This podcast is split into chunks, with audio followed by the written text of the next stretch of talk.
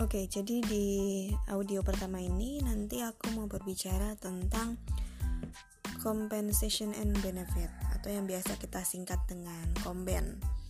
Terutama terkait dengan perbedaan kompensasi itu apa, benefit itu apa. Nah, di pertemuan ke-7 eh, maaf ke-8 kali ini nanti eh, akan saya sampaikan dalam bentuk audio seperti ini Nanti harapannya kalian bisa mendengarkan di mana pun, kapan pun dengan lebih light, lebih ringan. Jadi bisa diulang-ulang lagi. Ya.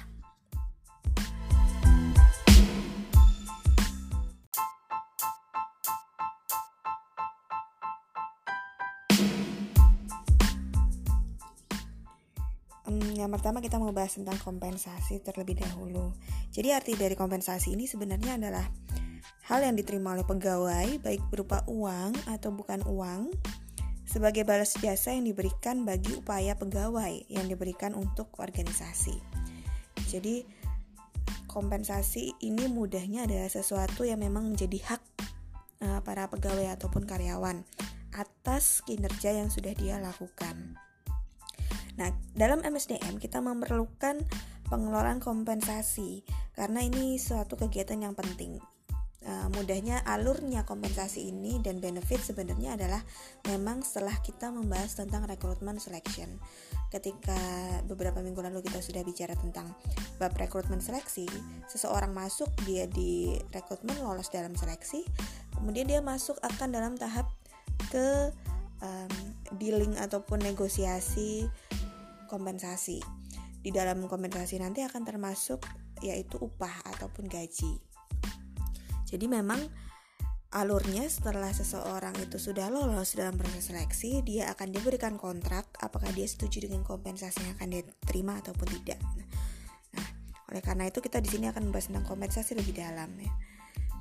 Nah, pentingnya uh, pengelolaan tentang kompensasi ini kenapa? Karena jangan sampai kita overpaid atau membayar berlebih atau sebaliknya kita justru membayar karyawan itu terlalu murah karena semuanya akan punya konsekuensi. Jadi ketika semisal um, ketidakpuasan dalam pembayaran dalam kompensasi itu, entah itu overpaid ataupun uh, pembayaran terlalu rendah, itu akan menyebabkan beberapa hal. Yang pertama yaitu keinginan karyawan untuk mencari imbalan yang lebih, semisal dia dibayar murah, atau yang kedua akan memunculkan berkurangnya rasa tertarik pada diri pegawai pada pekerjaannya sekarang. Dampaknya pada keproduktivitas. Yang ketiga, bisa jadi pegawai akan mencari pekerjaan sambilan di tempat lain. Sehingga mungkin mutu pekerjaannya yang sekarang tuh tidak terlalu diperhatikan karena dia asyik dengan kegiatannya di luar kantor. Dan yang keempat, adanya mogok kerja yang kelima mungkin muncul keluhan-keluhan, entah itu keluhan yang sampai di telinga HRD ataupun keluhan yang mungkin hanya muncul di uh, telinga dan mulut antar karyawan saja. Dan yang keenam yaitu pegawai mencari pekerjaan yang akan menawarkan gaji lebih tinggi. Ini bisa jadi salah satu penyebab utama kenapa seseorang karyawan itu pada akhirnya dia keluar ataupun dia resign dari pekerjaan yang sebelumnya.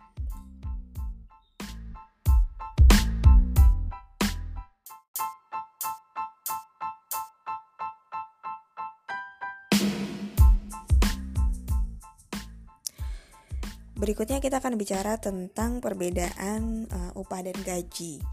Mungkin selama ini kita merasa bahwa upah dan gaji itu adalah sesuatu hal yang sama. Padahal sebenarnya mereka berbeda secara prinsip. Yang pertama upah. Upah ini artinya sebenarnya adalah pembayaran yang tidak terikat pada waktu. Jadi bisa harian, mingguan atau bulanan. Dan upah ini dibayar jika telah uh, jika seseorang karyawan telah menunjukkan prestasinya. Sementara yang disebut gaji itu adalah pembayaran tiap bulan. Jadi ada atau tidak ada prestasi tetap dibayar setiap bulan. Mudahnya kalau upah itu kita contohkan semisal uh, dalam bentuk bonus. Bonus seseorang pegawai ataupun karyawan ketika dia sudah mencapai target tertentu. Sehingga target tercapai, upah keluar target tidak tercapai, maka upah pun tidak keluar. Sementara untuk gaji, itu akan terus ada setiap bulannya. Nah, yang membedakan adalah uh, isinya ataupun nominalnya. Setiap perusahaan pasti akan punya kebijakan tersendiri terkait nominal-nominal dan pembedaan upah dan juga gaji. Kemudian um, terkait dengan upah, um, ini disebut adil atau tidak itu akan dipengaruhi oleh dua hal, yaitu yang pertama adalah eksternal konsistensi. Jadi keadilan upah ini yang dipengaruhi oleh lingkungan. Dalam menentukan upah dan gaji ini, perusahaan perlu mempertimbangkan perbandingan upah yang diberikan oleh perusahaan lain untuk suatu jabatan yang sama. Ini dalam skema eksternal konsistensi. Sehingga perusahaan akan membandingkan juga untuk jabatan um, konten digital marketing semisal di perusahaan lain dengan bidang usaha yang sama, seorang karyawan ataupun staf tersebut dibayar berapa. Sehingga perusahaan akan membayar juga kurang lebih dengan nominal yang sama. Ya. Sehingga akan membandingkan dengan perusahaan lain ataupun perusahaan yang di luar um, tempat kerja tapi memang masih dalam satu bidang yang sama. Sementara keadilan yang kedua itu tergantung pada internal konsistensi. Maksudnya adalah semakin tinggi jabatan yang dipegang oleh perusahaan, uh, sorry, semakin tinggi jabatan yang dipegang dalam perusahaan, maka semakin tinggi pula upahnya yang diterima.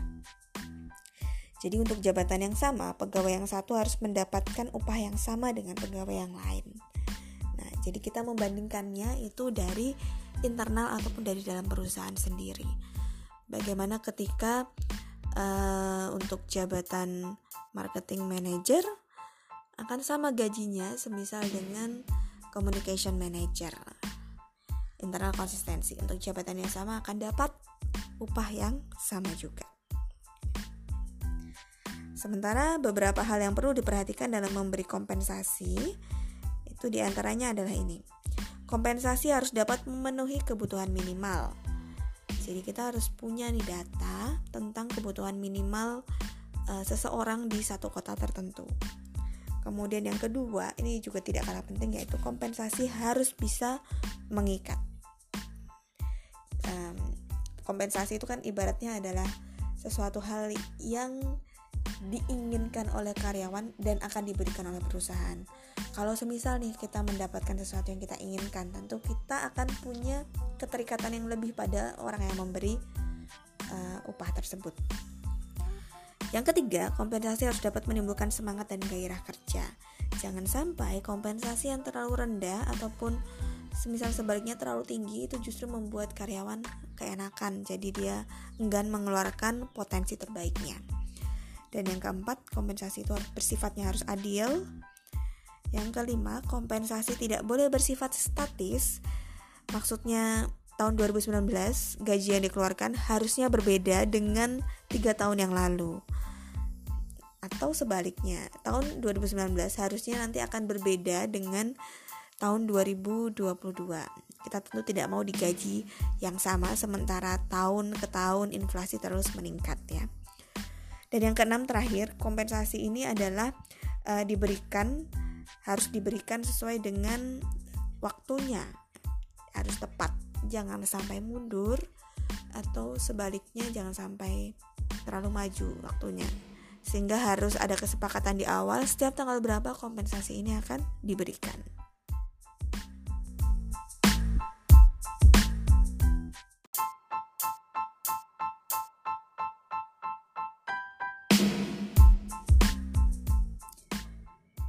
Berikutnya kita akan bahas tentang faktor-faktor yang mempengaruhi tingkat upah dan gaji dalam suatu perusahaan. Yang pertama adalah adanya supply and demand tenaga kerja atau permintaan dan kebutuhan tenaga kerja. Jadi um, dalam hukum ekonomi kan tidak bisa ditetapkan secara mutlak dalam masalah tenaga kerja. Nah, tapi memang kita tidak bisa mengingkari bahwa adanya supply and demand, kebutuhan dan juga ketersediaan tenaga kerja itu akan mempengaruhi tingkat upah. Seseorang yang membutuhkan atau perusahaan yang membutuhkan keterampilan tinggi, nah biasanya jumlah tenaga pekerjanya itu tidak terlalu banyak. Hmm, dalam artian ketika semisal contohnya saja kita membutuhkan seseorang yang jago dalam digital marketing. Orang yang jago dalam digital marketing itu belum sebanyak uh, marketing ataupun se belum sebanyak bagian finansial gitu. Ya. Oke, konten digital marketing itu khusus membahas tentang bagaimana pengelolaan media sosial, bagaimana dia memikirkan uh, supaya penjualan produk secara online itu bisa bersifat masif. Sementara kalau yang marketing uh, biasa itu adalah orang yang memang dia menjualnya uh, lebih banyak secara langsung, face to face atau dia melakukan komunikasi langsung dengan end customer. Jadi berbeda di situ. Nah, konten digital marketing ini dia harus menguasai beberapa hal. Skillnya akan jauh lebih tinggi dibandingkan hanya marketing biasa. Oleh sebab itu pemberian gaji dan upah uh, dengan konten digital, digital marketing harus lebih tinggi dibandingkan dengan marketing. Sementara kebutuhan ataupun orang yang memiliki kemampuan dalam konten digital marketing belum sebanyak marketing biasa. Jadi paham ya, ketika suatu posisi ataupun jabatan yang memang dia masih jarang, nah ketenaga kerjaannya juga masih belum banyak, itu membutuhkan tingkat upah yang jauh lebih tinggi dibandingkan skill ataupun jabatan yang memang sudah banyak dikuasai oleh orang-orang. Faktor kedua yaitu adanya organisasi pekerja. Jadi, organisasi pekerja yang kuat ini bisa terlibat langsung dalam manajemen perusahaan dan ikut menentukan tingkat upah yang dibayar. Kalau misalnya dalam perusahaan tersebut tidak ada organisasi pekerja, maka ini bisa diabaikan. Faktor ketiga yaitu ability to pay atau kemampuan perusahaan untuk membayar. Seberapa mampu perusahaan atau tempat kerja ini membayar karyawannya itu jadi salah satu faktor yang sangat berperan. Kalau memang kita sudah melakukan riset standar suatu pekerjaan A ternyata upahnya adalah semisal 2 juta tapi ternyata dari pemasukan tempat kerja tidak bisa membayar sampai segitu, ya tentu itu akan mempengaruhi hmm, upah. Tidak mungkin kita memberikan gaji di atas kemampuan perusahaan. Dan faktor yang keempat yaitu produktivitas. Upah sebenarnya merupakan imbalan atas prestasi kan. Jadi semakin tinggi prestasi seharusnya semakin tinggi juga upah yang diterima dan prestasi ini dinyatakan sebagai produktivitas. Yang kelima yaitu cost of living atau biaya hidup. Jadi upah ini cenderung meningkat di kota-kota besar. Pemerintah telah menetapkan peraturan upah untuk suatu prestasi yang disesuaikan dengan kekuatan ekonomi suatu daerah. Kalian pasti sudah tahu juga kalau biaya upah untuk di daerah Jakarta daerah Semarang, daerah Surabaya dan juga kota-kota utama itu akan berbeda dengan upah yang diberikan oleh perusahaan di daerah Solo, Klaten, Wonogiri dan sekitarnya. Dan yang keenam yaitu faktor pemerintah. Di sini pemerintah biasanya sudah menetapkan tingkat upah minimal untuk setiap daerah kerja yang dirangkum dalam upah minimum provinsi atau UMP bisa jadi juga upah minimum uh, kota UMK atau UMR upah minimum regional.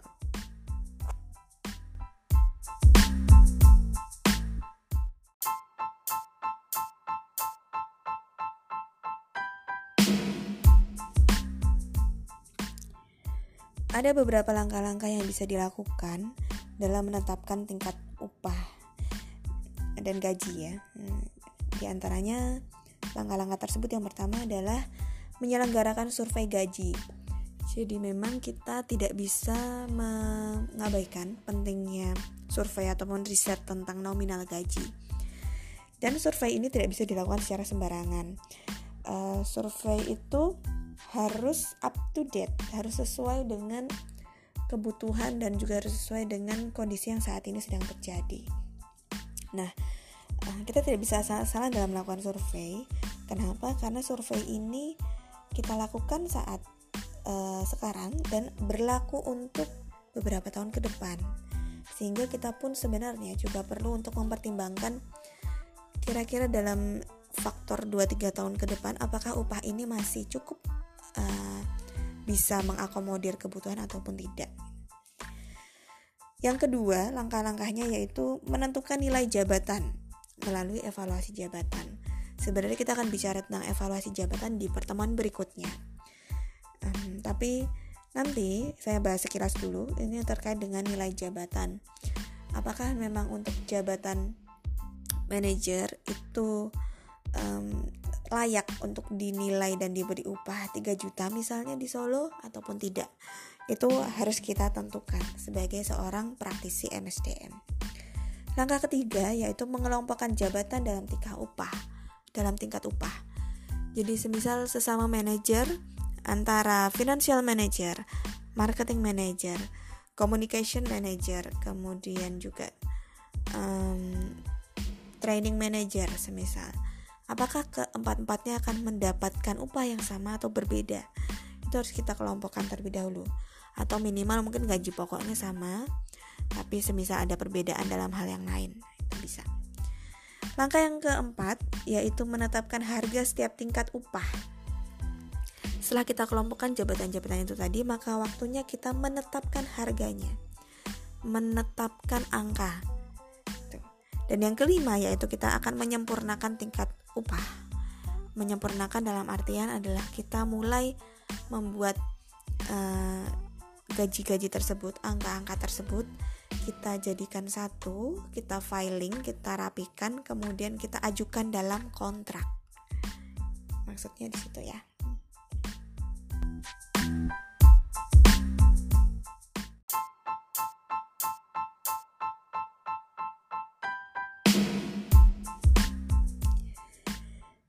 Nah, kita tadi sudah bicara tentang perbedaan upah gaji juga. Jadi sudah paham ya, perbedaan antara upah dan gaji.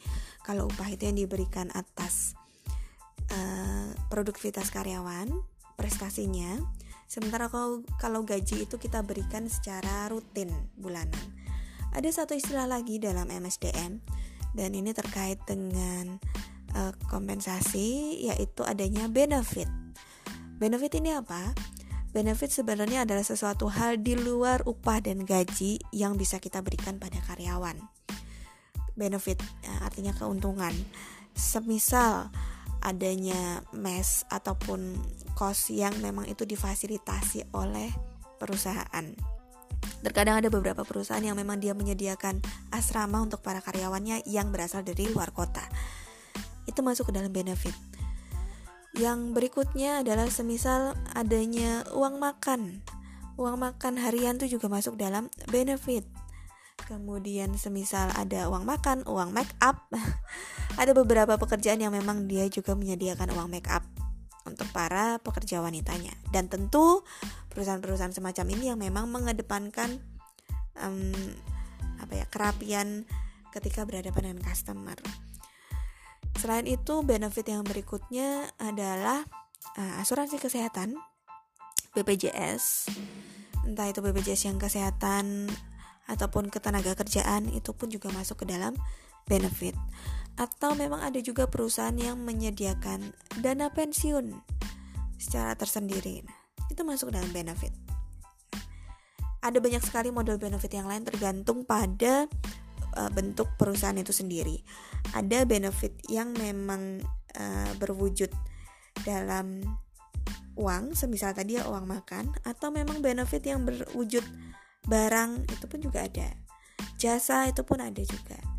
Ada benefit yang dalam bentuk jasa misalnya diberikan uh, fasilitas pijat untuk karyawan satu bulan satu kali. Nah, itu dalam bentuk uh, jasa. Jadi ada juga. Sehingga benefit ini nantinya sebenarnya juga bisa berfungsi sebagai pengikat karyawan untuk tetap bertahan dalam satu perusahaan. Kalau memang dari sisi gaji atau upah dia tidak terlalu tinggi, maka karyawan pun juga sebenarnya bisa mempertimbangkan benefit ini untuk tetap bertahan. Tentunya, kita sebagai praktisi MSDM harus betul-betul mempertimbangkan benefit apa saja yang layak untuk diberikan pada karyawan dan benefit apa saja yang kira-kira ini tidak perlu diberikan oleh uh, diberikan pada karyawan.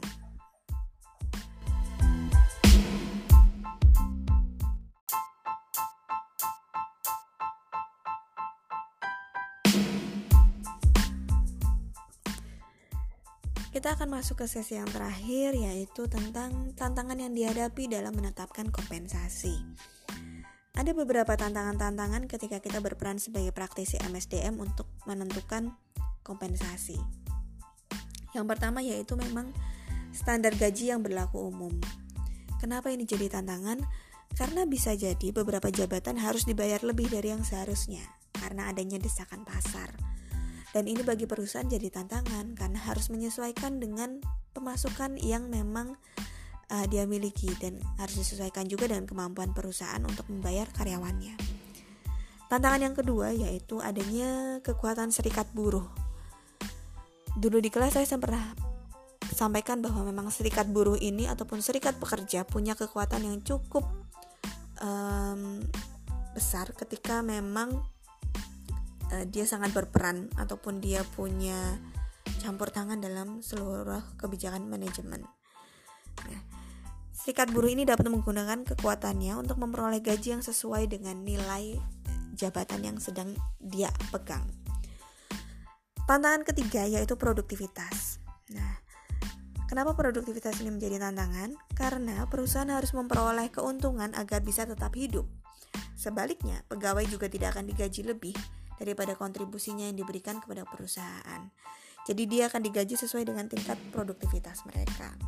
Sebenarnya prinsipnya seperti itu. Tapi ketika kita sudah menentukan satu angka yang diberikan secara bulanan rutin, produktivitas karyawan sering kali mudah naik dan turun. Ketika memang kita tidak tepat memberikan angka gaji, maka produktivitas yang turun itu akan jadi salah satu PR yang menyusahkan bagi MSDM.